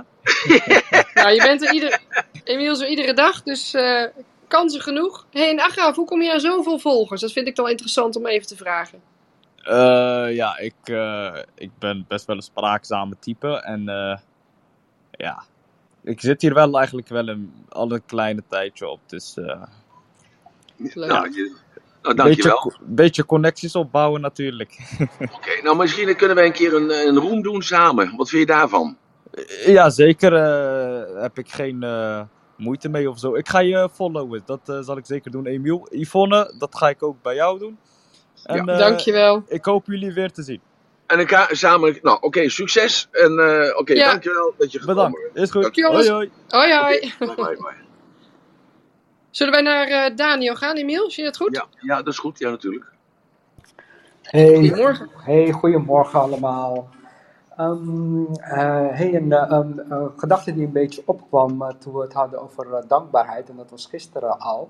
Ehm schoot in één keer binnen. Je kan dus ehm, dankbaarheid ervaren door er achteraf over na te denken. En dat brengt een bepaald gevoel en perspectief met zich mee. En er is volgens mij ook wel iets dat als je in het moment bent, dat iets je overkomt. En op dat moment ook de dankbaarheid ervaren. Ik heb zo'n idee van dat er best wel een, een, eh, een verschil in beleving kan zijn en ook de impact daarin. Hebben jullie eh, daar verder gedachten over? Dat, dat is een hele goede van jou. Dat is ook zo. Dat is een kwestie van bewust leven. En ook een soortje time management. Eh, er, erbij stil kunnen staan. Dat zijn niet heel veel mensen, omdat die daar nog niet aan toe zijn. Om dat, dat stuk te hakken. Hè? Dus een, als het ware die slow motion in te brengen in je beleving. Eh, Yvonne vertelde dat zo mooi zo net. Dat zij toen zij in Zuid-Afrika was. En het hele verhaal erbij. Ja? Eh, dat is op haar netvlies gebrand. Waarom? Want ze was in de stemming van vakantie. Ze, haar geliefde was er hoogstwaarschijnlijk bij. Er was een andere habitat. Het was allemaal anders. Dus op dat moment stond zij zichzelf toe om dat in dat moment mee te gaan. Dus je moet jezelf ook toestaan. Dat is ook alweer een, een stapje in het bewustzijnsverruimingsproces. Je moet het jezelf toestaan. Hè? Dat is volgens mij ook een van de regels dat ik dan gezegd heb. Eh, Leer, eh, leer te ontvangen. Hè? Dus dat is, dat is ook iets van. Dus om dat te leren ontvangen wil ook zeggen. Je moet het ook zien. Zoals eh, meneer de politieagent zo net zei. Van ja, er gebeurde ons dat ongeluk. En hij kon dat gelijk. Hij kreeg gelijk dat beeld voor zich van Allah. Dat, hè, dat Mohammed dat gezegd had. En dat, hij kon dat gelijk plaatsen. Als hij dus dat niet keer op keer op keer had gehoord bij het bezoek in de, in de moskee, had hij dat nooit kunnen bedenken. Of misschien had hij dat wel kunnen bedenken, omdat het in hemzelf zit. Maar misschien is het noodzakelijk om het eerst duizend keer te horen, er niks mee te doen. En dan de duizend eerste keer, als je dus iets overkomt, dat je het dan pas gaat begrijpen. Want je begrijpt het dus pas als je het doet, als je het ervaart in het nu. Ja, mooi. Ik, laat me even, eh, laat me eventjes eh, bezinken, maar dat is inderdaad mooi dat je dat aanhaalt. En ook dat het eigenlijk vooraf eh, een soort van repetitie aan is geweest dat hij die link kan maken. Ja, want als die repetitie. Kijk, school. We, kijken, we gaan acht jaar naar de lagere school. Als je die kennis bij elkaar bundelt, dan heb je binnen zes maanden heb je al die kennis. Maar wat je leert op school is dus de toepasbaarheid van datgene. En als je dat leert toepassen en je begrijpt dat, ja, dan kun je het ook voortzetten in de maatschappij. Dus het gaat expliciet niet enkel en alleen om de kennis. Nee, het gaat om die kennis toe te passen in de praktijk. En daarom heb je die acht jaar nodig. En zo is dat ook. eh, Het moet gezegd worden. Repetition is the mother of the skill. Eh, Dus herhaling, herhaling, herhaling is de moeder van de vaardigheid. Maar vaak hoor je het niet, omdat het een automatisme is. Maar je hoort het wel, maar je hoort het niet bewust. Dus het komt wel binnen, maar je bent je niet bewust van dat het binnenkomt. Dus het krijgt wel een plaatsje, alleen weet je niet waar het is. En totdat je op een gegeven moment denkt van, hé, hey, wacht eens even, dat heb ik toen gehoord. En dan leg je die dots, dat is zo'n mooi eh, metafoor, hè, dat alles is een dot. En je zet die dots zet je tegen de muur aan. En op een gegeven moment zie je dan verbanden tussen die dots. En op een gegeven moment zie je een plaatje in die dots. Datzelfde als een kind kijkt naar de wolken en die ziet een auto, of die ziet eh, zijn opa, of die ziet een schip, of die ziet een, eh, een echt vliegtuig voorbij gaan, of die ziet die, nou, die heeft een hele andere betekenis aan datgene wat hij ziet, als dat wij zeggen, oh wolken, oh, dan is de zon voorbij en het gaat regenen. Jongens, weet je wat, we moeten snel naar huis gaan, anders worden we nat. Zo, dat is een hele andere conclusie. Dus die creativiteit, die flexibiliteit die een kind heeft, ben jij niet kwijtgeraakt. Nee, die heb jij bedekt met allerlei normen en waarden en verwachtingspatronen en vooroordelen en overtuigingen. En dan is het, is het, is het, het onderwerp ontwikkeling, is het wikkel afnemen. Je wikkelt het af totdat je weer bij jezelf komt. Dat is de hemel en dat is de hel. Dat als je overgaat, vlak voordat je overgaat, moet je uh, rekenschap afleggen aan jezelf, aan het goddelijke, aan God in jou. En dat is de hemel of de hel. En dat kan maar, dat kan maar één seconde duren, dat kan uh, twee minuten duren. Maar dat is een moment van reflectie. En dat is dus dat je door dat vage vuur heen gaat. Want uiteindelijk gaan we allemaal naar het licht. Want het licht ben jij. Dus het licht komt vrij omdat het, omdat het afgewikkeld is van alle stoffelijke belemmeringen. En een belemmering is ook een gedachte. Dus je gaat onvoorwaardelijk in het licht. Want het licht heeft geen voorwaardes. En dat is de dualiteit van de mens. Ben ik daar duidelijk in geweest, Daniel? Ja, uh, ja uh, heel duidelijk. En aan de andere kant um, denk ik ook soms van, hey, leven is soms, dat gaat in, uh, in vlagen. Ja. Um, en je merkt ook wel soms dat, um, dat je zeg maar, in, als je bepaalde vlagen hebt, dat het, het, zeg maar het stukje bewustwording en die hele groei daar, die je daarin meemaakt, dat je in één keer, uh, ja, dat je, daar, dat je dat eventjes kwijtraakt. Ja, dat lijkt zo. Uh, omdat je elke keer realiseert, als je weer een stapje hebt gezet, dat er eigenlijk meer is wat je niet weet dan, wat je wel weet. En als mens zijnde is dat ook heel normaal. Probeer je grip te krijgen op de situatie. En als je die grip uh, hebt, dan voel je je gelukzalig. En twee seconden later ben je dat, ben je weer kwijt, omdat je uh, andere mogelijkheden ziet. En dat is het groeiproces. En daarom groei je ook steeds verder. En wees blij dat je die momenten hebt. Want dat is eigenlijk dat je leven zijn, dat is een metafoor weer. Dat je naar je leven kunt kijken als seizoenen. Ik ben, de winter, ik ben in de winter van mijn leven, ik ben de nadagen van mijn leven. Ik kan ook zeggen, ik ben in de, in de lente, ik ben de lente van inzichten. Ik kan ook zeggen, ik ben uh, in de herfst van uh, mijn familieleven, mijn kinderen vliegen allemaal uit.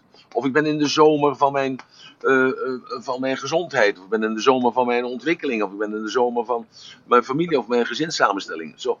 Dus elk deel kun je benoemen dat hij of zij dat deel in een bepaald seizoen is.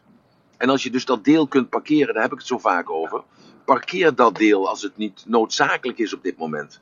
Maar het leert wel, het is wel aanwezig, maar het is gewoon even, het licht schijnt er niet op.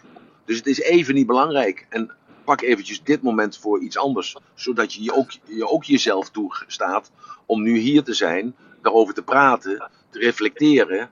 En te denken bij jezelf, ja, wat zegt hij nu? Begrijp ik dat? Hoe kan ik dat toepassen in mijn eigen leven? Oh, ik kan dat toepassen in mijn eigen leven. Ja, dat geeft weer opening. Of, en terwijl het opening geeft, geeft het ook gelijk weer sluiting aan het verleden. Ja, en wat bedoel je precies met dat, uh, dat stukje parkeren? Welk stukje parkeren precies? Nou, als er iets is waar je, uh, uh, als je verlegen wordt, dan is dat een stukje van je. Als je ergens in verslaafd bent, is dat een stukje in je. Als je assertief bent, is dat een stukje in je. Als je kennis in je hebt, dat is een stukje. Dus het, het waarderen van, uh, van, uh, van het eten wat je vanavond kookt, uh, of wat je krijgt, dat is een stukje. Het zijn allemaal stukjes. Het heeft niets te maken met jouw persoonlijkheid. En al die stukjes creëren jouw persoonlijkheid, jouw authenticiteit, die identiteit. En maar als je dus een stukje hebt waar je last van hebt, je denkt, ik, ik, ik sla, als die vent voor de auto krijgt, dan rijd ik hem kapot wijze van spreken. Ik noem maar even een klein stukje. Nou, dan parkeer je dat. En dan, dan overleg je dat met elkaar. En dan denk je, is het nou wel verstandig? Dus die andere delen overleggen met elkaar. Van, is het nou wel verstandig om dat deel op, dat gas, uh, op de, op te laten uh, steunen? Dat lijkt me niet. En het moet hem overtuigen, dat stukje moet je overtuigen, dat het een, een hele slechte gedachte is in de context van wie jij als mens wilt zijn. Zo. En, en, er is ook een stukje die graag ziek wil zijn in jou. Want als je ziek bent, krijg je aandacht. Als je ziek bent, dan, uh, dan ben je belangrijk. Als je ziek bent, dan. Zo, dat dus dat is ook een stukje wat je kunt cultiveren. En wat je kunt uh, badineren, wat je kunt verkleinen. Dat is een manier om om te gaan met je eigenschappen. Want jij bent niet jouw eigenschap. Dat eigenschap is een stukje in jou. En als die eigenschap je, zo bijvoorbeeld doorzettingsvermogen, dat, dat kan een hele goede eigenschap zijn als je aan het sporten bent. eh, of als je aan het studeren bent. eh, of als je geld verdienen moet. Maar dat, dat doorzetten kan wel eens heel negatief uitvallen als je het gebruikt in de context van je relatie. Want dan moet je misschien meegaan met haar of met hem. Dan moet je het inschikken aan- met haar of met hem. Want je hebt een, uiteindelijk een ander doel voor ogen. Dus dan, dan krijgt dus dat, dat doorzettingsvermogen stukje krijgt een andere functie. Je mond dicht houden nu, ik parkeer jou. Ik heb jou nou niet nodig. Ja, eh, mooi ook. En ik zit even te denken, want op een gegeven moment, eh, als je dus bepaalde die stukjes hebt, op een gegeven moment bijvoorbeeld, als je dus dankbaarheid, eh, als je dus dankbaarheid op dat moment toestaat, dan is Ja. er ook even geen plek meer voor het andere. Dus Juist, ja. Want zo, maar nou, heel wijs zoals je dat zegt. Heel wijs zoals je dat zegt. Als je dus gericht bent op dankbaarheid, dan is er geen plaats voor ondankbaarheid. Er is ook geen plaats voor negativiteit. Dan is er geen, geen plaats voor, voor verdoemenis. Dan is er geen plaats voor, voor geweld, voor agressie. Dat past er niet bij. Zo, dus dat is mooi als je dat cultiveert. En dat, dat deel wordt dan steeds groter omdat je dat cultiveert. En andere mensen kiezen ervoor om agressie te cultiveren. Of om geweld te cultiveren. Of om luide muziek te cultiveren. Zo, dus is, het, het is en het blijft altijd een keuze. Wat zijn oorsprong heeft in een bepaalde gedachte. En dat is de wiel van het leven. Dat is dus karma, zoals men dat zo. Dus het Hindoeïsme en het Boeddhisme zegt. Dat is dus voorbestemdheid. Maar dat is een kwestie van kijk naar de natuur. En dan zie je dat alles heeft een oorzaak. En alles heeft een bepaald gevolg. Daarom ben jij voorspelbaar. Dat is de rits die ik altijd zeg. Focus bepaalt je denken. Denken bepaalt je gevoel. Je gevoel bepaalt je gedrag. Al het gedrag etiketeer je met pijn of plezier. Je vermijdt al de pijn en je probeert plezier te krijgen. Dat wordt jouw gewoonte. Dus je hebt een gewoonte ontwikkeld in het verleden. En dat bepaalt je karakter. En dat karakter bepaalt je noodlot. Dus jij bent dus het slachtoffer van je eigen denkpatroon. Van je eigen focus. Waar je jezelf ooit een keer aan hebt opgericht. En daarom moet je voorzichtig zijn waar je je op richt. Want kies bewust zelf. In plaats van dat je de keuzes neemt van anderen. En dat is een dogma. En dus dat dogma, dat willen wij niet meer. En dus moet je vrij kunnen denken. Dus het een heeft consequenties voor het andere. Ik ga nu even heel snel er doorheen. Hè, maar jij begrijpt wat ik zeg. ja, en dat, dat eh, zeg maar, eh, die, keuzes maken, dat is ook een stukje verantwoordelijkheid. Hè? En dat moet je ook maar net willen dragen. En daar zeg maar, ja, Moet je leren. Moet je leren. En dat leer je ook. Want als kind zijn leer je dat namelijk allemaal. Voordat je bewustzijn krijgt, heb je dat allemaal geleerd. Daarom zijn de eerste drie, vier jaar voordat je bewustzijn, is de, pre, de hè, dat is dus de conditionering. Dat zijn dus de, de, de, de eh, ja, auf Duits, grundsätzliche, eh, dus de, de, bodem, de bodem, het fundament, dat is het fundament. Dus daarom zijn de eerste drie, vier jaar zijn zo belangrijk. Dus dat jij als vader, als moeder realiseert dat dat kind jou gegeven is. Daar mag je dankbaar voor zijn. Dat toon je ook aan dat kind. Daarom knuffel je dat kind. Daarom geef je de liefde aan dat kind. Daarom hou je dat kind ook bij je.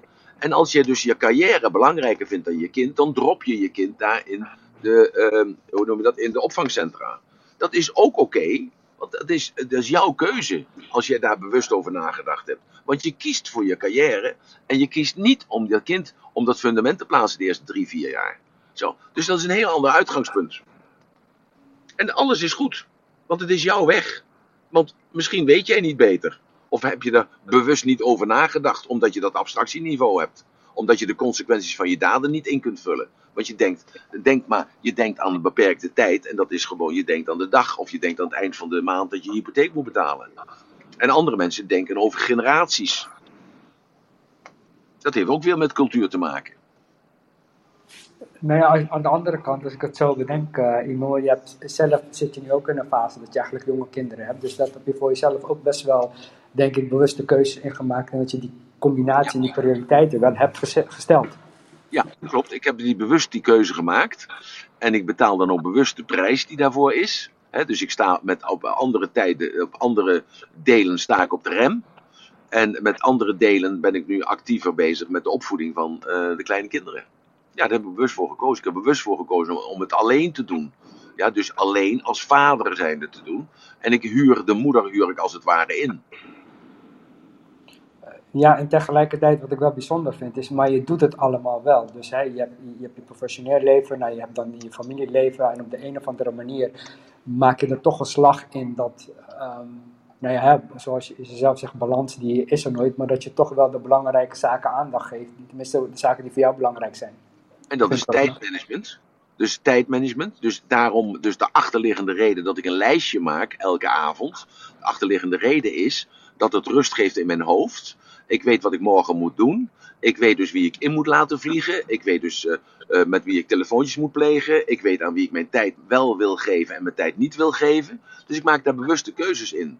Dus de consequenties zijn ook voor mij. En was het dan de verkeerde keuze, is dan ook de verkeerde, eh, eh, het negatieve gevolg wat ik daarom heb. Dat ik geen tijd heb, of dat ik met de verkeerde mensen bezig ben, of dat ik eh, tijdstelers accepteer. Het is ook mijn verantwoordelijkheid. Dus daar leer ik van. En dan maak ik de volgende dag op een andere manier mijn lijstje. Want ik reflecteer elke avond voordat ik slapen ga. Wat heb ik geleerd? Wat heb ik gegeven? Wat heb ik gedaan waar ik trots op kan zijn? Dus ik heb mijn, mijn leven, zeg maar, gesegmenteerd in stukjes. Waarvan ik bewust dit geef aan jou, dat geef aan hem, dit geef aan mezelf, en dat geef aan mijn kinderen, en dat geef aan mensen die dichtbij mij zijn. Dus een heel technisch proces. Ja, mooi. Maar die, stappen die je nu ehm, eh, vertelt, ja dat, eh, ja, dat heb ik nu zelf ook wel een beetje overgenomen. Dus dat zijn de beginstappen. Maar Ja. mooi, eh, mooi dat we kunnen leren. Ja, dankjewel Emiel. Niks te danken. Jij, dankjewel. Dankjewel. Jij bedankt, Daniel. Mooi gesprek, zeg. Eh, ja, we zijn, de tijd gaat hard. Het is tien voor half elf. Bram eh, staat naast ons op het podium. Die wil ik graag het woord geven. En dan wil ik aan jou vragen, Emiel, zullen we daarna de... Ja, Een ratelbandje en dan moet je nog even doorgaan. Ja, ja, ja. Ja. Eh, Ik moet Bram. goedemorgen. Goedemorgen. Hoe is het met jullie allemaal? Goedemorgen, dankjewel dat ik eh, even het woord mag nemen. Hoeveel tijd heb ik nog? Jij maakt de tijd maar vol, kerel. Dat is goed. Lief, dankjewel Emiel. Ehm, ja, gisteren hadden we het eh, ook al gehad over dankbaarheid. En eh, ja, ik, ik, ik ben, eh, ik heb al, alle sessies gepland voor, eh, voor deze hele reeks, zeg maar, om me- mee te luisteren en misschien wel deel te nemen. Ik, ik denk, eh, ik ben van mening, heilig overtuigd zelfs, dat eh, het moeilijker is om tevreden te zijn met wat je hebt. En dat het veel makkelijker is om eh, steeds maar te streven naar eh, iets anders, iets beters, iets leukers. Dat is een overtuiging. Dat is een overtuiging. Ja, Dat is een En, eh, en overtuiging. Dat is een overtuiging, dus dan is dat ook zo. Voor jou. Ja. Nou, niet, niet, voor, niet voor mij. Voor, voor mij is het. Ik, ik, dat, dat is, ik ben daardoor wel eens in, in conflict geraakt met bepaalde mensen. Die al maar ontevreden zijn. Eh, omdat ze het anders willen. Of omdat ze denken dat het anders beter zal zijn. En dan denk ik van ja, maar wees gewoon tevreden met hoe het nu is. En dan eh, mocht er een natuurlijke groei zijn, een organische groei, dan gaat dat vanzelf. In plaats van dat je nu de hele tijd aan het focussen bent en, en niet dankbaar voor wat je nu hebt. Want ja, het is maar net welke kant je opkijkt. Als je kijkt naar, eh, naar een, een, een, een multimiljonair, als het dan over geld gaat, dan denk je van, oh wat heb ik weinig. Maar als je kijkt naar iemand die de straatkant verkoopt, dan is het, godverdomme, wat heb ik veel. Het Ja. maar net welke kant je opkijkt.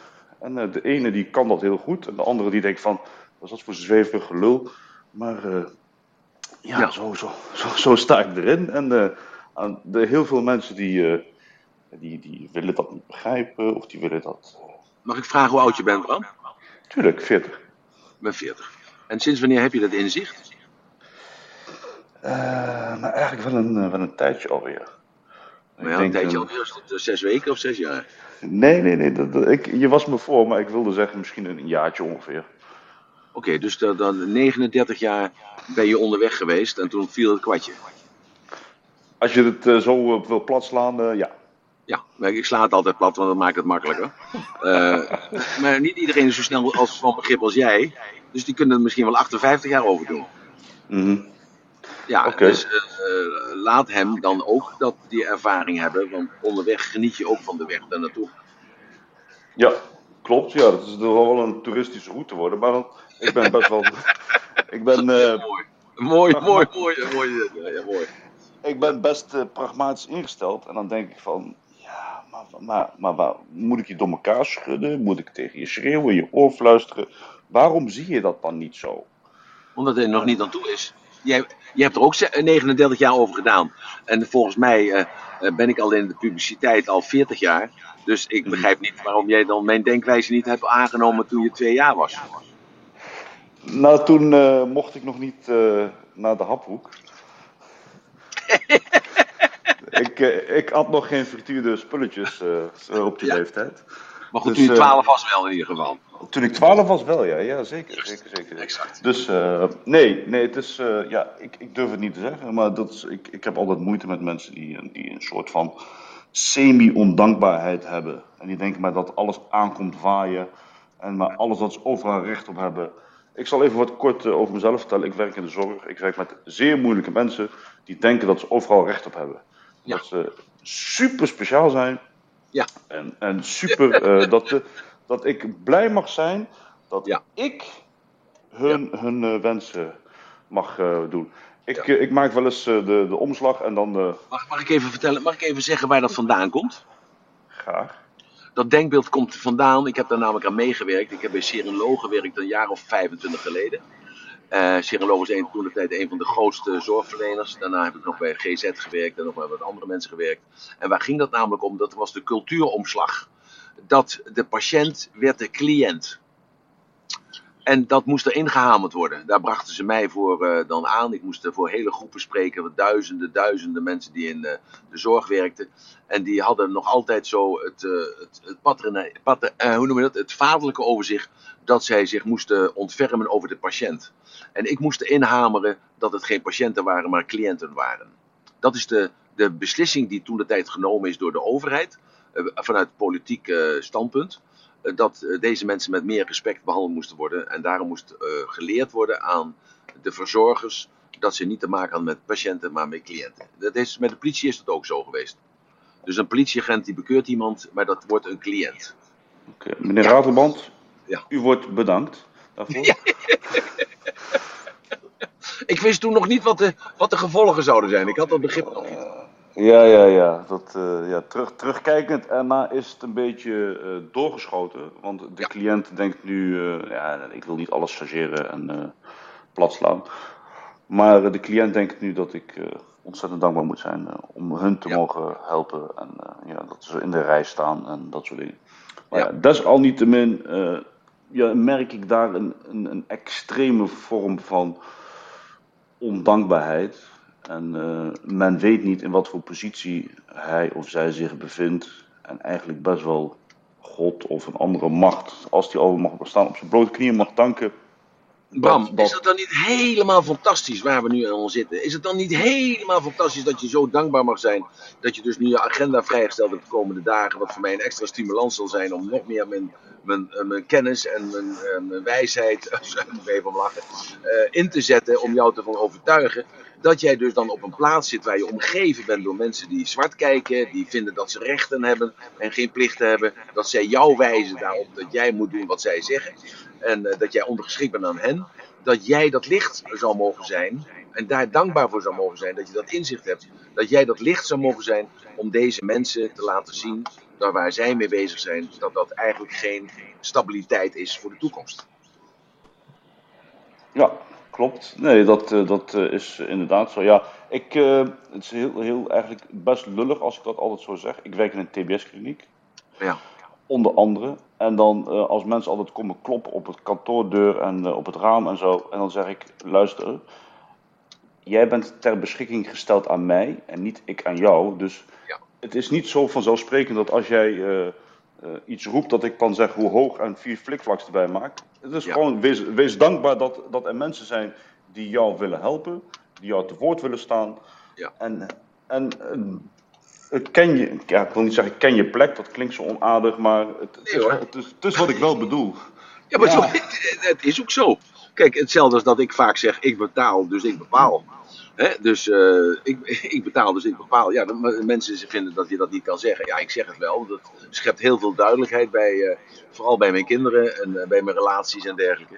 Dus dat is heel duidelijk. Emiel, er zit bij jou een tijdje een echo. ik weet niet, heb jij iets anders dan anders gedaan? Je staat aan de kant, zei je? Ja, ik heb hem net aan de kant gezet, juist omdat het anders moest zijn. Oh, dus het Ja, ik krijg in de, in de appgroep, ik hoorde het ook al, maar blijkbaar meerdere mensen, dat er een ontzettende echo zit in, jouw in jouw geluid. Oké, oké, dat eh wacht even, wat moet ik doen Dus als jij iets gezegd hebt, dan wordt het nog eens drie keer herhaald, zeg maar. Geef niet, want dat willen we graag allemaal horen. Maar... Ja. Is Nee joh, is het zo beter? Nou, zeg, zeg nog eens iets. Zeg eens iets. Ja, ik weet niet meer wat ik moet Ja, zeggen. volgens mij is het nu weg. Ja, ja, ja. Oké, ja, ja, ja. Ik, zeg, ik, ik wilde even, eh, Bram ehm, en, en jij ook, Emiel, eh, ik moest net ook in, aan iets denken. Mijn partner heeft een, een bedrijf en die maken comp- compressoren voor de gas- en olieindustrie. En die mensen die daar werken, dat zijn geen domme jongens. Dat, dat, dat, die hebben allemaal TU Delft gedaan en die verdienen best wel wat geld. En er zijn dus mensen daar, serieus, binnen het bedrijf, die mogen dan, eh, hè, als je op de fiets komt en je woont verder dan 10 kilometer, of sorry, als je met de auto komt, die woont verder dan 10 kilometer, krijg je kilometervergoeding. Maar er zijn dus ook mensen die op de fiets komen en die rijden dan 12 kilometer of 14 kilometer. En dan gaan ze serieus op de deur kloppen om te vragen of ze fietskilometervergoeding kunnen krijgen voor die 4 kilometer extra. Ja, het is echt. Ja, ja. Bram, door jouw verhaal moest ik daaraan denken. Toen dacht ik, ja, dit is ook zo'n voorbeeld. Ja, maar Ja, ik- mensen, ik- mensen denken niet na. Vandaag stond er een stukje in de Telegraaf eh, dat de minister die zei: lampen moeten overdag uit van de auto. En misschien heb je dat gelezen, want dat kost Nee. energie. En als je dat omrekent en dergelijke. Ja, die mevrouw heeft natuurlijk geen verstand. Die is eh, staatssecretaris of minister. Die heeft natuurlijk geen verstand. Die moet gelijk ontslagen worden. Want we weten natuurlijk allemaal dat vandaag de dag de lampen van auto's zijn ledverlichting. Ja. En die kosten geen enkele geen stroom. Dus ja, goed, Bizar. incompetentie is natuurlijk vandaag de dag eh, natuurlijk heel vaak het leidmotief van velen. Ja. Kijk even naar eh, de andere overheidsinstanties. Dus Bram, ik begrijp het allemaal, kerel. Maar ja, nogmaals, ehm, je zit in dat bestaan. Je zegt, eh, ik ga of de wereld veranderen en ik ga een toonbeeld zijn van licht, eh, van dankbaarheid, dat ik andere mensen mag opleiden en dat licht mag laten zien. Of de, het zuur van eh, de ervaring wordt zo zuur in je leven dat het op andere vlakken ook gaat bederven. En dan moet je er gewoon heel, maar dan ook heel snel wegwezen. En dat zie je ook bij heel veel mensen die zelfbewustzijn hebben. En dat die stappen uit het onderwijs, omdat ze niet meer bezig zijn met datgene waarvoor ze ingehuurd zijn. Kindertjes namelijk iets leren. Mensen die in de zorg zijn aangesteld waarvoor, om voor mensen te zorgen. Maar ze hebben meer van de tijd nodig om allerlei administratieve maatregelen te treffen en op te schrijven.